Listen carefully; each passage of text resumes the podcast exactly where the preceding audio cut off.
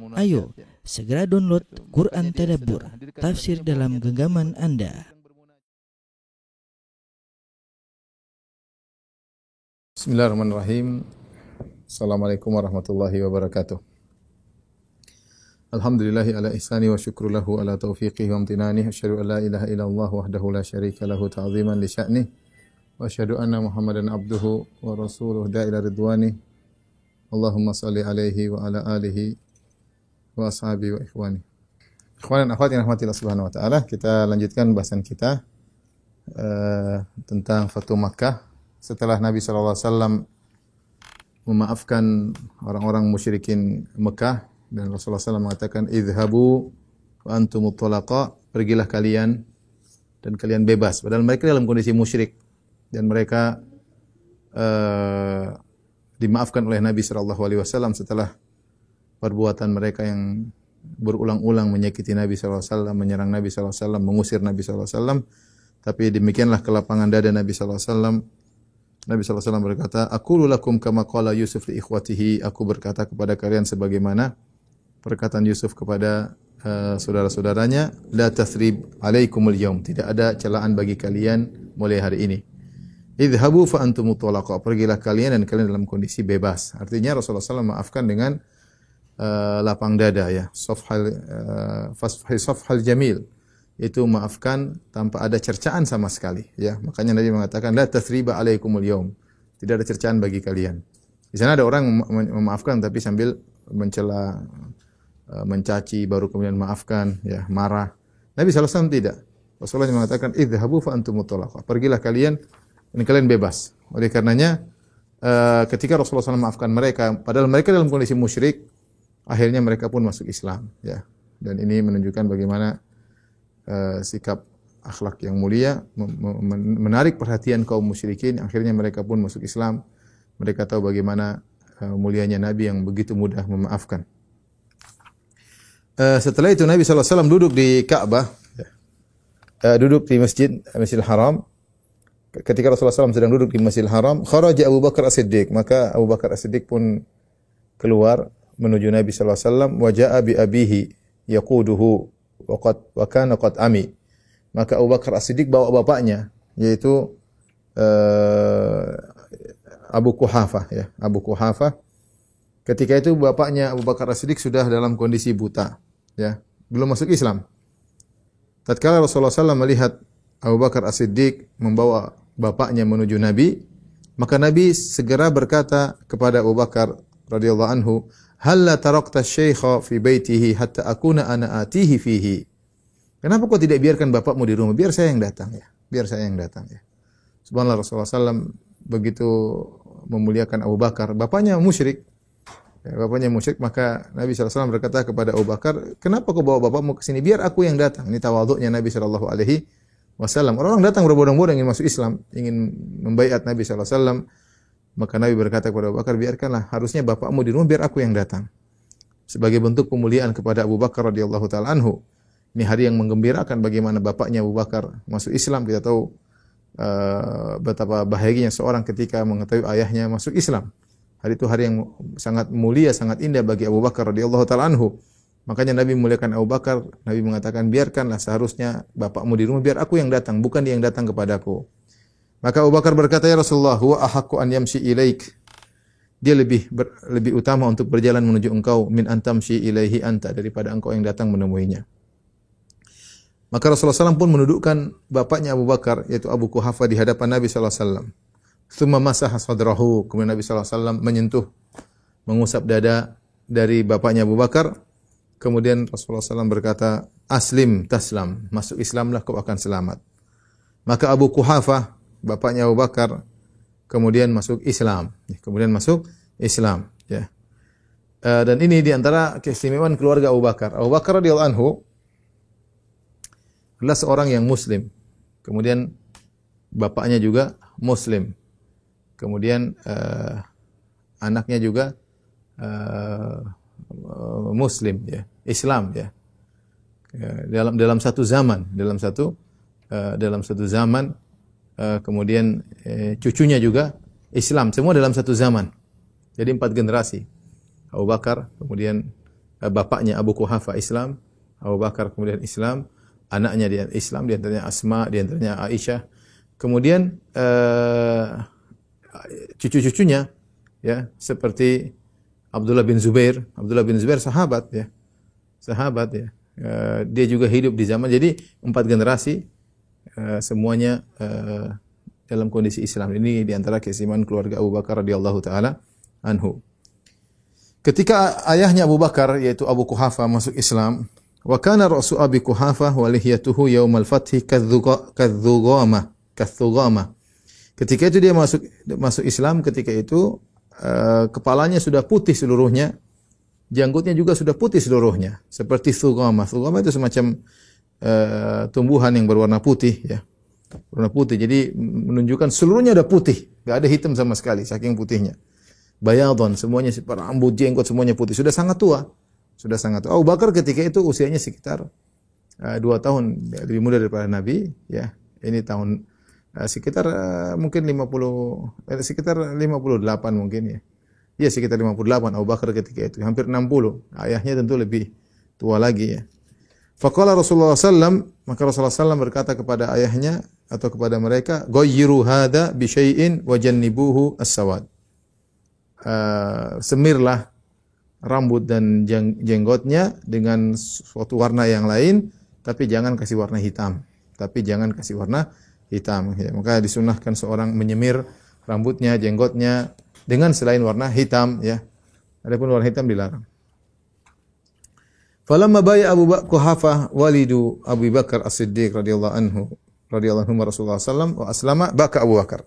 Tatkala ayahnya membaiat Nabi SAW, ayahnya Abu Bakar membaiat Nabi SAW, maka Abu Bakar pun menangis. Menangis gembira tentunya. Ya, tetapi ada apa di balik tangisan Abu Bakar? Ya, faqala Rasulullah SAW, "Ma yubkik?" Apa yang buat kau menangis ya? Apa yang ternyata bukan tangisan e, gembira tapi tangisan sedih. Ya, sedih. Apa yang menyedihkan Abu Bakar?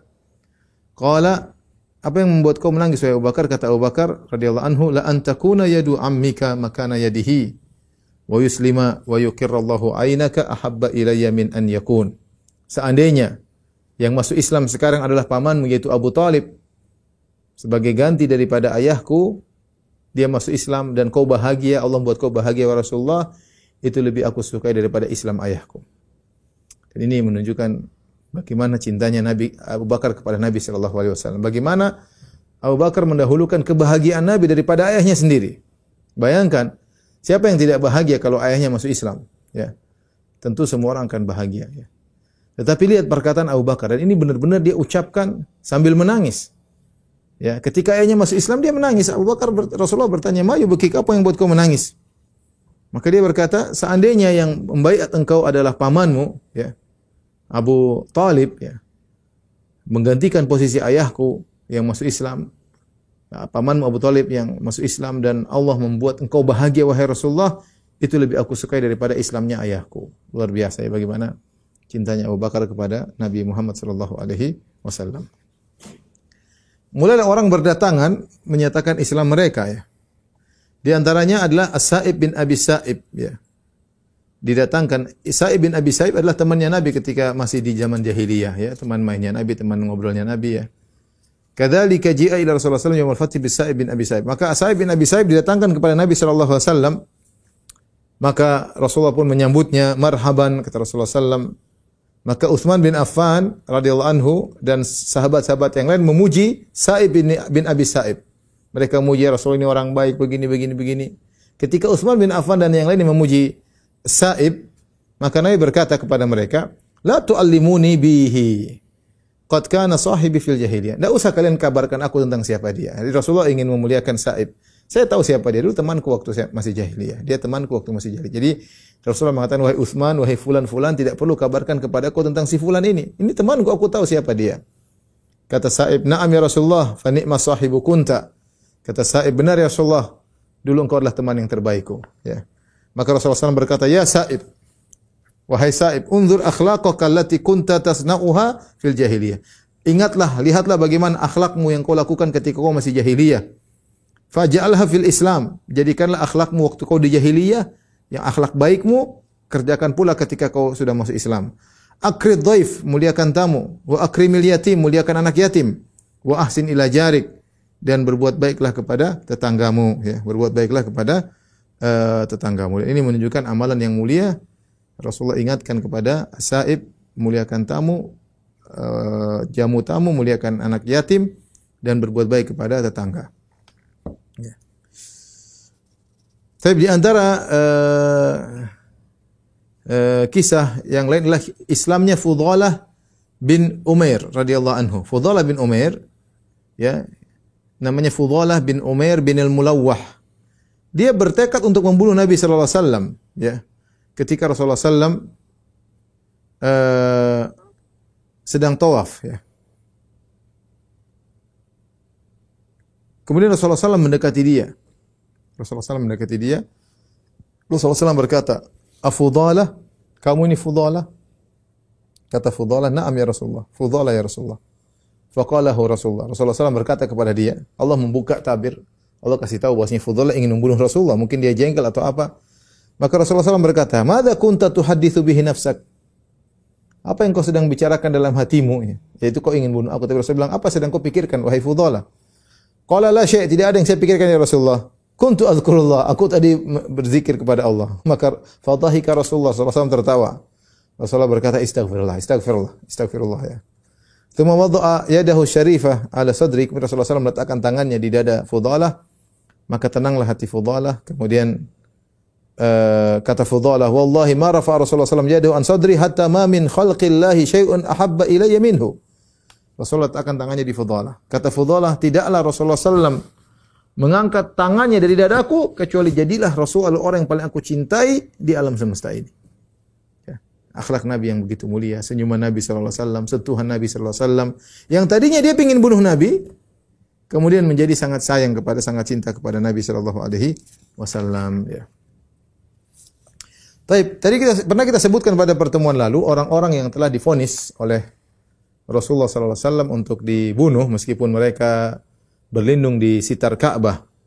Di antara orang tersebut adalah Ikrimah bin Abi Jahal. Rasulullah SAW suruh bunuh mereka siapa pun di, meskipun mereka sedang berlindung di uh, sitar Ka'bah ya. Suruh bunuh. Di antara orang tersebut adalah Ikrimah bin Abi Jahal. Rasulullah suruh cari mereka. Di antara 10 orang yang difonis untuk dibunuh Ikrimah bin Abi Jahal. Ya.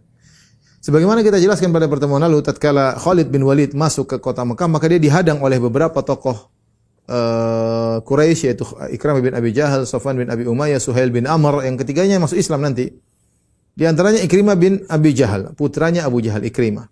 Ikrimah. Ketika uh, Khalid bin Walid ternyata tidak bisa dilawan, begitu hebatnya Khalid dalam pertempuran, akhirnya mereka kabur, mereka kabur. Di antara yang kabur adalah Ikrimah bin Abi Jahal, maka dia pun kabur wa dhahaba ila Jeddah, dia pergi ke Jeddah, kota Jeddah. Kemudian dia pun naik uh, naik uh, kapal berlabuh di lautan. Ketika dia sedang berada di atas kapal di tengah laut, tiba-tiba ditimpa dengan angin yang kencang, gelombang yang besar. Maka seluruh orang-orang yang berada di atas kapal berkata, "Akhlisu, ikhlaskan niatmu, ikhlaskan niat kalian." Fa inna alihatakum la tughni ankum syai'an hahuna. Percuma Tuhan-Tuhan kalian tidak akan bermanfaat di sini. Ya. Tuhan-Tuhan kalian tidak akan bermanfaat di eh, di sini, ya. Dan ini menguatkan Bagaimana Allah sebut dalam Al-Quran, Wa idza rakibu fil fulki da Allah mukhlishina lahuddin. Orang-orang musyrikin kalau mereka sedang berlabuh di lautan, kemudian diterpa dengan ombak yang besar, maka mereka ikhlas berdoa kepada Allah Subhanahu wa taala. Falamma najam ilal barri idza hum yusyrikun. Kalau mereka diselamatkan Allah ke daratan, mereka syirik kembali. Di sini ketika mereka di tengah lautan ombak begitu besar dan di, di antara penumpang dari kapal tersebut adalah Ikrimah bin Abi Jahal. Orang-orang berkata, "Akhlisu, ikhlaskan niat kalian, minta kepada Allah." Tuhan-Tuhan kalian berhala kalian tidak bermanfaat, berhala kalian tidak bermanfaat. Maka Ikrimah berkata, Wallahi la illam yunajjini minal bahri illa al-ikhlas, ma yunajjini fil barri ghairuhu. Kalau tidak ada yang menyelamatkan aku di lautan kecuali ikhlas, maka di daratan pun aku tidak bisa selamat kecuali keikhlasan, yaitu bertauhid kepada Allah Subhanahu wa taala. Kemudian berkata, Allahumma innalaka alayya ahdan. Ya Allah, aku punya janji kepadamu. In anta afaitani mimma ana fih, kalau kau selamatkan aku dari musibah sekarang ini, diterpa ombak yang besar di tengah lautan an atiya Muhammad dan aku akan datang kepada Muhammad hatta adha dia fi yadihi akan aku letakkan tanganku di atas tangannya. Fala ajidannahu afuwan karima dan aku akan dapati dia Muhammad demi Allah adalah seorang yang uh, pemaaf dan mulia. Ya. Maka akhirnya uh, Ikrimah pun uh, pergi menemui Rasulullah sallallahu alaihi wasallam kemudian masuk uh, masuk Islam ya. Masuk Islam. Dalam sebuah riwayat yang mursal, Ikrimah membaiat Rasulullah sallallahu alaihi wasallam, sanadnya bermasalah, sanadnya mursal yaitu dari uh, dari tabi'in langsung kepada Nabi sallallahu alaihi wasallam. Uh, dia datang kepada Rasulullah SAW bahwa muta'tiun ra'sahu istihya'an. Dia menundukkan kepalanya malu kepada Nabi wasallam. Dia berkata, "Ya Rasulullah, istaghfir li kulla adawatin adaitukaha." Ya Rasulullah, mohonlah ampunan bagiku kepada Allah atas segala permusuhan yang aku uh, tegakkan memusuhi engkau selama ini. Ya. Au au mauqibin au dha'tu fihi uridu fihi idhara syirk atau segala kegiatan yang aku lakukan untuk untuk menjadikan syirik unggul mohonkanlah ampun buatku maka Rasulullah SAW berkata Allah maghfir li ikrimah kulla adawatin adaniha au mauqibin au dha'a fihi yuridu an yasudda an sabilik ya Allah ampunilah ikrimah bin Abi Jahal atas segala permusuhan yang dia tegakkan untuk memusuhi aku atau segala kegiatan yang dilakukan untuk menghalangi orang dari jalanmu, ampunilah dia. Maka Ikrimah pun masuk Islam dengan baik. Bayangkan bapaknya Abu Jahal, anaknya Ikrimah masuk Islam dan Islamnya indah dan dia pun wafat mati syahid dalam perang Yar, uh, dalam perang uh, Ajnadin. Dalam perang uh, Ajnadin pada khilafah Abu Bakar As-Siddiq radhiyallahu taala anhu. Ya. Inilah Ikrimah bin Abi Jahal. Eh, bagaimana bapaknya uh, musyrik, anaknya mati syahid dan itu sangat mungkin ya. Tapi yang kedua, orang yang tadinya difonis untuk dibunuh ternyata dia pun tidak dibunuh masuk Islam. Orang kedua yang juga difonis oleh Nabi SAW untuk dibunuh meskipun uh, bersembunyi di Ka'bah, meskipun berlindung di bawah sitar Ka'bah harus dibunuh adalah Abdullah bin Sa'ad bin Abi Sarah. Sudah kita jelaskan Abdullah bin, bin Sa'ad bin Abi Sarah dia dahulunya menulis wahyu untuk menulis Al-Qur'an ya, tapi kemudian eh, dia ujub dan akhirnya dia murtad. Intinya dia murtad.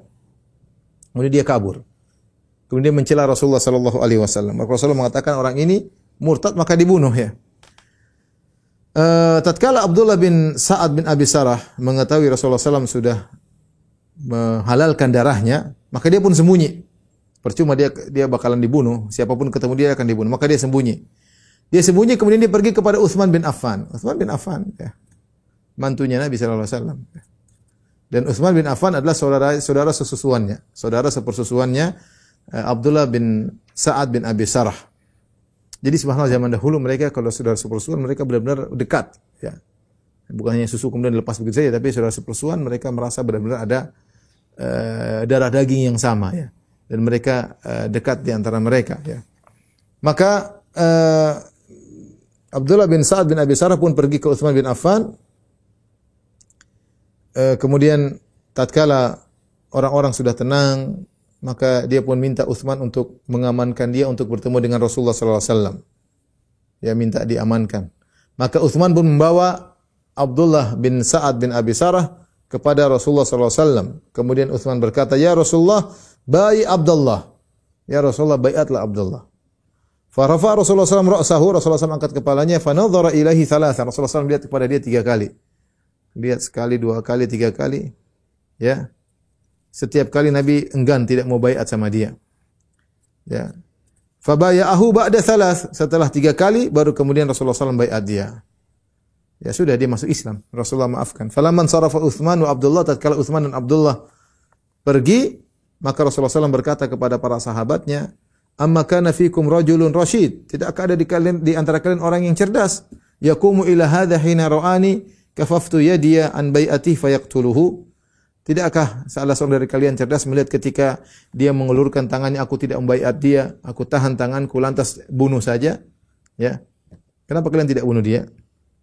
Qalu mereka berkata, "Ma daraina ya Rasulullah ma fi nafsika." Kami tidak tahu niatmu seperti ya Rasulullah. Fahalla au ma'ta ilaina bi ainika? Kenapa kau tidak isyaratkan kami untuk membunuhnya dengan matamu? Maka Rasulullah SAW berkata, Innahu la yang bagi nabiyyin an takun lahu kha'inatul a'yun. Tidak pantas bagi seorang nabi punya uh, apa namanya lirikan uh, yang pengkhianat ya. Lirikan uh, pengkhianatan lirikan mata ya. Akhirnya Abdullah bin Sa'ad bin Abi Sarah masuk Islam dan bagus Islamnya, dia bertobat kepada Allah Subhanahu wa taala dan dia ikut dalam beberapa peperangan-peperangan untuk uh, apa namanya memperluas uh, dakwah Islamiyah di berbagai daerah ya. Uh, kemudian dia wafat pada tahun 36 Hijriah ya. Al-Baghawi meriwayatkan dengan sanad yang sahih dari Yazid bin Abi Habib. Dia berkata kharaja Abdullah bin Sa'ad bin Abi Sarah ila Ramlah Suatu hari Abdullah bin Sa'ad bin Abi Sarah pergi keluar ke suatu daerah namanya Ramlah. Tatkala di pagi hari dia berkata, Allahumma ja'al akhira amali as-subha. Tatkala tiba di waktu subuh ya, dia berdoa, ya Allah jadikanlah akhir amalku adalah salat subuh. Fatawadda'a maka dia pun berwudu salat subuh, thumma shalla, kemudian dia salat, fasallama an yaminihi, kemudian dia assalamualaikum warahmatullahi sebelah kanan. Thumma dhahaba yusallim an yasarihi, kemudian dia Assalamualaikum warahmatullahi wabarakatuh. Ketika dia salam kedua, Allah pun mencabut nyawanya. Allah pun mencabut nyawanya ya. Dalam apa namanya? doanya dikabulkan. Doanya dikabulkan sehingga kemudian dia uh, meninggal ya. Sesuai dengan apa yang dia harapkan ya. Kemudian di antara orang yang dibunuh adalah Abdullah bin Khatal ya. Abdullah bin Khatal uh, tidak selamat ya dia dia bunuh ya uh, dan dibunuh oleh Abu Barzah al-Aslami sementara dalam kondisi dia bergantung di sekitar Ka'bah. Uh, kenapa? Karena dia mencaci maki Nabi sallallahu alaihi wasallam dan yang lainnya ya.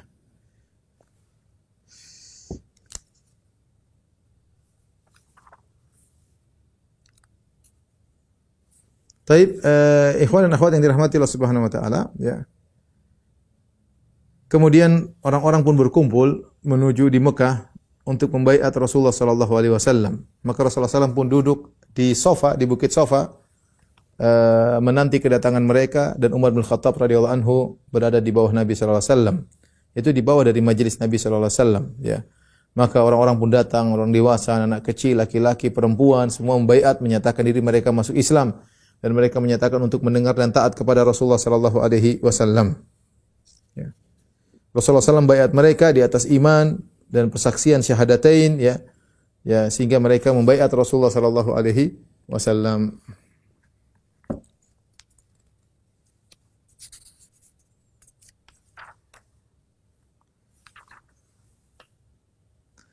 Dalam satu riwayat dari riwayatkan Imam Bukhari Imam Muslim dari Mujashih bin Mas'ud As-Sulami dia berkata, "Aku mendatangi Nabi sallallahu alaihi wasallam dengan membawa saudaraku setelah Fatu Makkah. Aku berkata, Ya Rasulullah, ji'tuka bi akhi litubayi'ahu. Ya Rasulullah, aku datang membawa saudaraku untuk kau bayat dia. Alal hijrah, untuk berhijrah. Dia ingin berhijrah, Ya Rasulullah. Bayat dia. Rasulullah SAW berkata, Zahaba ahlul hijrati bima fiha. Ya. Orang-orang yang hijrah sudah pergi, sudah selesai. Dengan apa yang pahala yang mereka bawa. Fakultu ala ayyi syai'in tubayi'u. Kalau begitu, kau tidak membayatnya di atas hijrah, terus engkau membayatnya atas apa? Kata Rasulullah SAW, Ubayyu alal Islam wal iman wal jihad. Aku membayatnya untuk Islam, untuk iman dan untuk jihad. Ya. Dalam riwayat yang lain, uh, Rasulullah SAW berkata, Bal ubayyuhu alal jihad kota atil hijrah. Aku membayat dia untuk berjihad karena hijrah sudah terputus. Ya, hijrah sudah terputus. Tidak lagi tidak ada lagi hijrah dari Mekah kota ke kota Madinah. Dalam riwayat yang lain Rasulullah SAW bersabda, La hijrah ba'dal fathi. Tidak ada lagi hijrah setelah Fatu Makkah. Kenapa? Setelah Mekah ditaklukkan oleh Nabi wasallam, maka Mekah menjadi negeri Islam.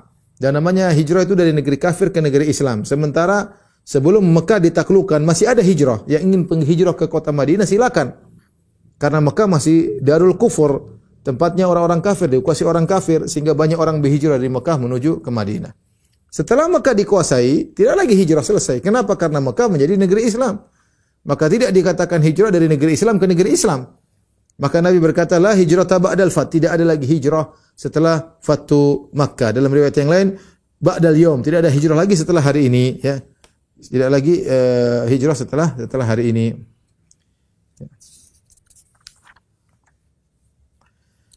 Demikian juga Nabi SAW membaiat para wanita. Ya.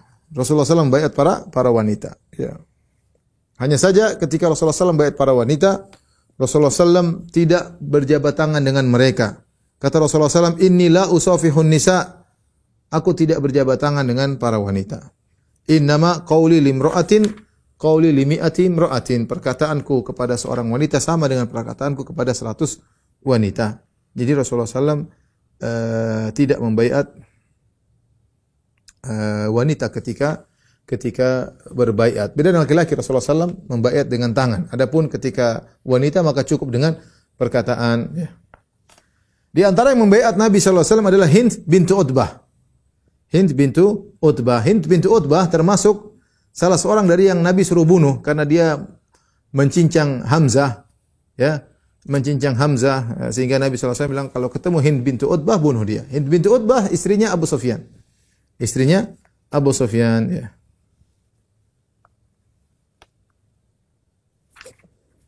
Sehingga diriwayatkan ketika dia membaiat Nabi sallallahu alaihi wasallam maka dia pun uh, apa menutup wajahnya ya uh, malu kepada Nabi sallallahu alaihi wasallam ya uh, kemudian akhirnya Nabi membaiat dia ya Hind bintu Utbah dia pergi kepada Nabi SAW, ya.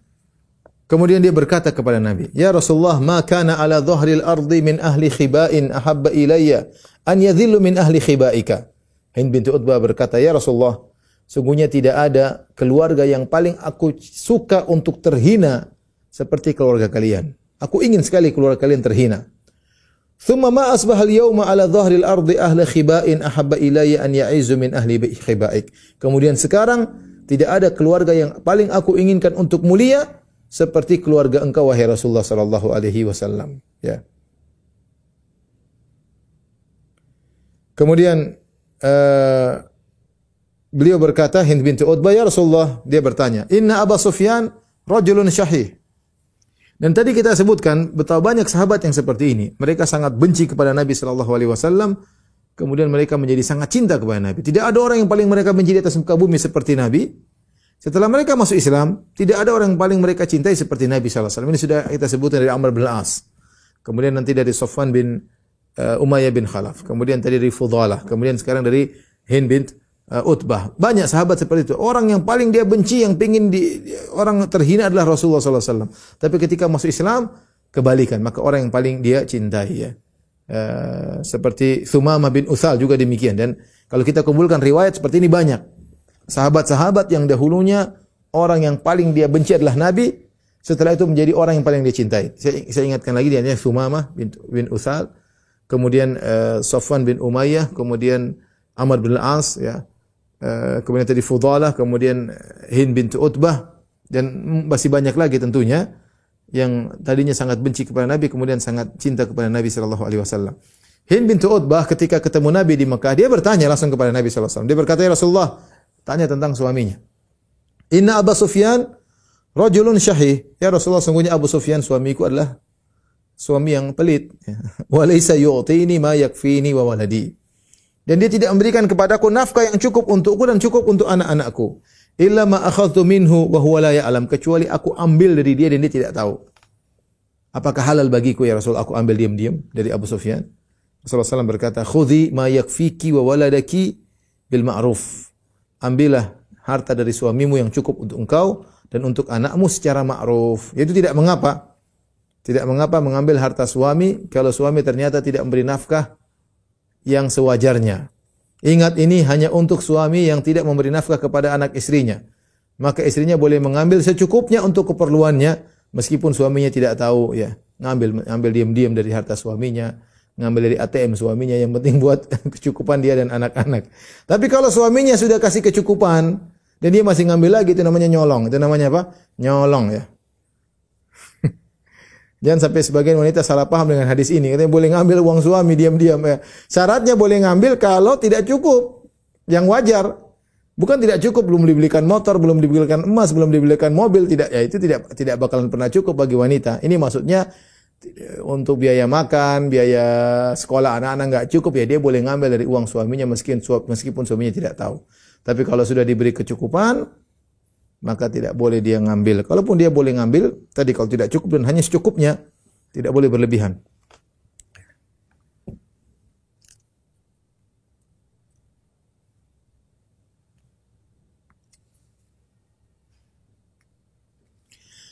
Tapi di antara yang menakjubkan kisah Islamnya Sofwan bin Umayyah. Siapa Sofwan bin Umayyah? Sofwan bin Umayyah, Sofwan bin Umayyah bin Khalaf. Umayyah bin Khalaf bapaknya adalah yang menyiksa uh, Bilal ya. Dan kemudian akhirnya Umayyah bin Khalaf terbunuh setelah perang Badar. Kemudian kakaknya juga Ali bin Umayyah bin Khalaf juga dibunuh. Sofwan masih hidup.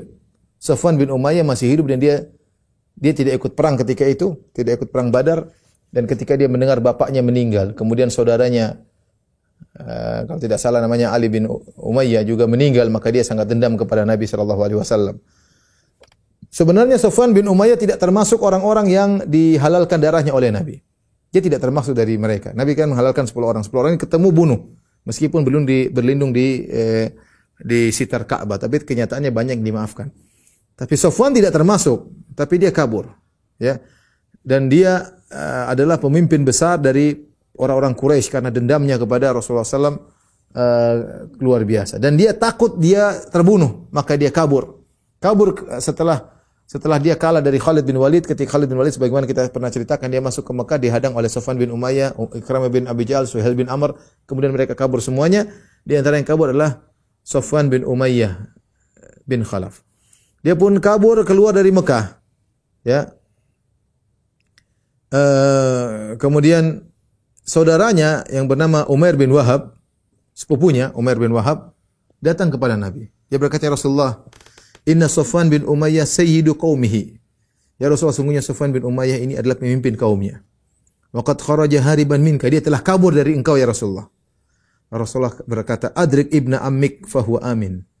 Temui sepupu, sepupu itu, temui sepupumu Sofwan bin Umayyah dan katakan dia aman. Jangan takut, tidak ada yang mengganggu dia. Suruh kemari. Ya. Maka Umar berkata, "Ya Rasulullah, a'tini ayah." Ya Rasulullah, berikan aku tanda bahwasanya aku bisa pastikan dia selamat. Ya'rifu biha amanak agar orang tahu inilah pengamanan dari Rasulullah sallallahu alaihi wasallam. Sofwan kafir ya, musyrik. Maka Rasulullah SAW berikan ridaknya. Itu selendangnya yang dia masuk ke Mekah dengan pakai ridak tersebut. Ketika Rasulullah SAW masuk Mekah, orang tahu ini ridaknya Nabi. Maka Nabi, bilang, ini ambil kasih kalau Sofwan bin Umayyah pegang ini orang tahu dia diberi keamanan oleh Nabi sallallahu alaihi wasallam. Maka Umar bin Wahab pun mengejar Sofwan bin Umayyah dia sudah sampai di Jeddah dan sudah ingin naik kapal kabur. Maka saudaranya Umar berkata, "Ya Sofwan, Allah Allah fi nafsika an tuhlikah. Jangan kau binasakan dirimu wahai Sofwan. Fahada amanun min Rasulillah qad ji'tuka bi inilah tanda pengamanan dari Rasulullah aku telah bawa untuk engkau." Kata Sofwan kepada Umar bin Wahab, "Wahai haka, Ugrub anni fala tukallimni. Celaka engkau wahai sepupuku, pergilah engkau, jauhlah jauhlah dariku, menjauhlah dariku, enyahlah engkau dariku, jangan ngomong dengan aku, tidak mau ngomong sama engkau. Kata Umar, "Ai Sofwan, wahai Sofwan, Ji'tuka min indi afdhalin nas, aku datang kepada engkau dari seorang yang paling mulia. Wa abarrin nas, orang yang paling baik. Wa ahlamin nas, orang yang paling uh, memaafkan. Wa khairin nas, orang yang paling terbaik. Dan dia adalah anak dari pamanmu. Izzu Izzik, yaitu kalian sama-sama Quraisy. Kita sama-sama Quraisy. Syarafu syarafu, kalau dia mulia engkau juga mulia. Wa mulkuhu mulkuk, kerajaannya, kepemilikannya pemilik kepemilikanmu engkau juga. Safwan berkata, "Ini akhafuhu ala nafsi, aku khawatir dia bunuh aku." Kata Umar, "Wa huwa huwa ahlamu min dzalik akram." Dia ahlam, ahlam itu maksudnya memaafkan. Dia memaafkan engkau dan dia sangat mulia. Maka akhirnya Safwan pun berhasil dirayu oleh Umar bin Wahab. Maka dia pun masuk ke dalam kota Mekah dan dia pakai ridaknya Rasulullah. Jadi tidak ada yang berani ganggu dia karena orang tahu itu selendangnya Nabi. Berarti Nabi sudah kasih pengamanan. Dia datang dari Jeddah, datang datang sampai akhirnya berdiri di hadapan Nabi sallallahu alaihi wasallam. Kemudian uh, dia pun memanggil Nabi dengan suara yang keras di hadapan banyak orang. Kata dia, "Ya Rasulullah, ya Muhammad." Dia belum masuk Islam. Dia panggil, "Ya Muhammad." Kata Sofwan, "Inna hadha Umar bin Wahab ja'ani biridaika wa za'ama annaka qad ammantani." Sungguhnya sepupuku Umar bin Wahab telah datang membawa selendangmu dan dia mengatakan bahwasanya engkau memberi pengamanan kepadaku. Benar atau tidak? Dan dia ngomong, "Ya Muhammad" di depan banyak orang. Karena dia belum masuk Islam. Maka Rasulullah SAW berkata, "Sadaqa, inzil Abu Wahbin." Benar, turunlah engkau dari tunggangan dari dari tunggangan wahai Abu Wahab. Abu Wahab maksudnya uh, Sofan bin Umayyah. Qala la wallahi la anzilu hatta tubayyin li wa ja'alni fihi bil khiyari syahrain. Aku tidak akan turun dari tungganganku wahai Muhammad sampai kau jelaskan kepadaku dan berikanlah kepadaku pilihan selama dua bulan. Aku tidak mau masuk Islam, aku mau di sini dua bulan. Bebas masuk Islam atau tidak, terserah aku. Kata Rasulullah SAW, bal anta bil khiyar, silakan, jangankan dua bulan, arba'at ashur. Empat bulan tidak mengapa kau bersama kami. Tidak perlu masuk Islam, terserah kau. La Allah yahdik, semoga Allah beri petunjuk kepadamu. Kemudian akhirnya dia pun turun, Sofan bin Uayyah pun turun, ya. Uh, kemudian dia pun ikut bersama Nabi dalam perang Hunain, dalam perang Taif dan dalam keadaan musyrik. Dia ikut Nabi dalam perang Hunain, dalam perang Taif, dia masih musyrik dan akhirnya dia masuk Islam. Disebut dalam riwayat yang lain, dalam hadis yang lain, kenapa Sofan masuk Islam? Ketika dalam perang Hunain Rasulullah SAW mendapatkan gonimah yang banyak dalam Sahih Muslim, ya. Maka Rasulullah kasih dia 100 ekor onta. 100 ekor onta lagi, 100 ekor onta lagi. Kata Sufyan bin Umayyah, ini orang paling aku benci di alam semesta. Tetapi Rasulullah SAW selalu memberikan kepadaku. Fama, fama bariha yu'tini. Dia selalu berikan aku, berikan aku 100 ekor onta, 100 ekor, 100 ekor, 300 ekor onta. Nabi lihat dia, ketika Nabi menang dalam perang Hunain, Nabi melihat Sofwan melihat onta dengan kagum-kagum.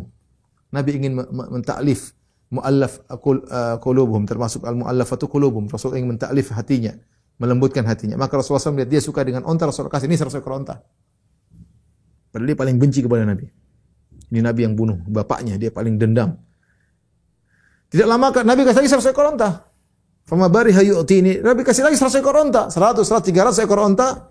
Akhirnya dia masuk Islam. Dia mengatakan, tadinya ini wajah paling aku benci di atas muka bumi. Sekarang menjadi wajah yang paling aku cintai di atas muka bumi. Itulah Rasulullah SAW. Makanya kalau ada orang benci sama antum, antum kasih aja duit. Kasih harta. Namanya harta punya pengaruh ya. Punya pengaruh. Hadiah punya pengaruh. Ada orang benci sama antum, ya antum kasihnya mobil ya. Mungkin dia benci, bencinya berkurang. Kasih mobil kedua lagi jadi sahabat. Kasih mobil lagi ketiga menjadi antum orang yang paling dia cintai. Manusiawi, disuka dapat pemberian. Kemudian ada juga ada orang datang kepada Nabi SAW ingin bayat Rasulullah. Ya, tapi dia gemetar ketakutan kepada Nabi. Takut. Dia masuk Islam, tapi dia takut melihat karismatik Nabi Shallallahu Alaihi Wasallam. Maka Rasulullah SAW pun berkata kepada dia, ya, uh, hawin alaik. Ya, kata Rasulullah SAW, tenang aja, tenangkan, santai. Fa inni lastu bimalik. Ya, aku bukanlah uh, raja. Innama ana ibnu mra'atin kana ta'kulul qadida bi Makkah. Aku ini hanyalah seorang anak dari seorang aduh, aku aku hanyalah seorang anak dari seorang wanita yang tinggal di Mekah yang makan al-qadid. Al-qadid adalah uh, daging yang dikeringkan, dikasih garam ya, dikasih garam ya. Jadi ini orang datang kepada Nabi ketakutan, membayat Nabi gemetar ya. Lihat karismatik Nabi, dia ingin bayat dia gemetar. Maka Rasulullah SAW mengatakan tenang, tawadhu kata Rasulullah, tenang santai aja, jangan begitu. Saya ini adalah bukan raja, saya bukan raja. Kalau raja-raja mungkin senang digituin. Bahkan senang agar orang takut sama mereka, bahkan mencitrakan diri mereka ya. Dipuji habis-habis oleh orang ya ingin dikagumi oleh uh, banyak orang ya raja-raja seperti sebagaimana Firaun dia mengatakan laisa li mulku misra wa hadhil anharu tajri min tahti. Bukankah kerajaan Mesir milikku? Sungai-sungai mengalir di bawahku afala tubsirun? Tidakkah kalian lihat bagaimana kekayaanku kehebatanku? Banyak penguasa seperti itu ingin dikagumi ingin dihormati uh, ingin ingin ditakuti oleh rakyatnya. Nabi tidak. Nabi mengatakan hawin alik tenang saja. Jangan begitu sama aku. Aku ini bukan raja. Innama ana bumra'atin aku hanyalah seorang putra dari seorang wanita dari Quraisy yang tinggal di Mekah yang juga makan uh, daging yang dikeringkan ya daging apa daging yang diasinkan dan dikeringkan. Artinya Rasulullah tawadhu Rasulullah mengatakan saya ya silakan takutlah kepadaku. Aku adalah putra dari pemilik kota Mekah. Kakekku adalah Abdul Muttalib. Nabi tidak mengatakan demikian. Tapi dia mengatakan aku adalah putra seorang wanita agar orang depan dia tidak takut. Aku, sama Kau juga sekarang Nabi mengatakan sama, saya dengan kau sama-sama saja. Ibu kita makan apa? Makan beras gampangnya kalau kita bahasa mudahnya kita. Kita sama-sama makan nasi, enggak usah begitu. Ya, nggak usah sama-sama makan nasi. Sama ibu ibu saya dulu makan apa? Makan uh, daging yang dikeringkan, bukan daging yang segar. Enggak, daging dikeringkan menunjukkan kesulitan hidup. Ya. ya ketika Nabi ngomong dia ngomong demikian agar orang tersebut menjadi menjadi uh, hilang rasa takutnya karena melihat Nabi Shallallahu Alaihi Wasallam. Orang-orang pun datang uh, membaiat Nabi Shallallahu Alaihi Wasallam. Kemudian Nabi Shallallahu Alaihi Wasallam berkhutbah kepada mereka dengan khutbah yang panjang. Dan Rasulullah SAW kemudian tinggal di kota Mekah selama 19 hari. Aqama Rasulullah SAW di Mekah tetis ata asyara yauman. 19 hari Rasulullah SAW di Mekah. Dan selama itu Rasulullah SAW selalu mengkosar salat. Selalu mengkosar salat. Sebagaimana diriwayatkan Imam Bukhari dalam sahihnya dari Ibn Abbas. Radiyallahu beliau berkata, dari Ibn Abbas, Aqama Nabi SAW ata asyara yaqsur.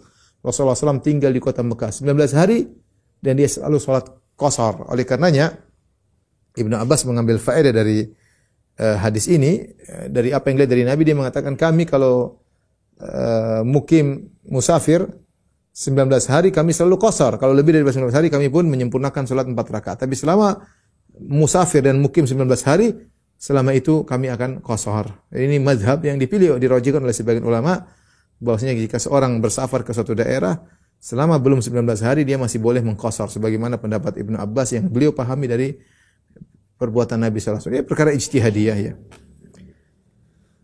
Di 19 hari tersebut Nabi SAW menanamkan uh, akidah ya, tauhid kepada umat, kepada kaum muslimin, menyuruh mereka untuk belajar, berpegang teguh dengan agama mereka ya, uh, dan seterusnya ya. Demikian saja apa yang saya sampaikan kepada ikhwan akhwat yang rahmatillah subhanahu wa taala. Kurang lebih mohon maaf. Wabillahi taufiq wal hidayah. Assalamualaikum warahmatullahi wabarakatuh.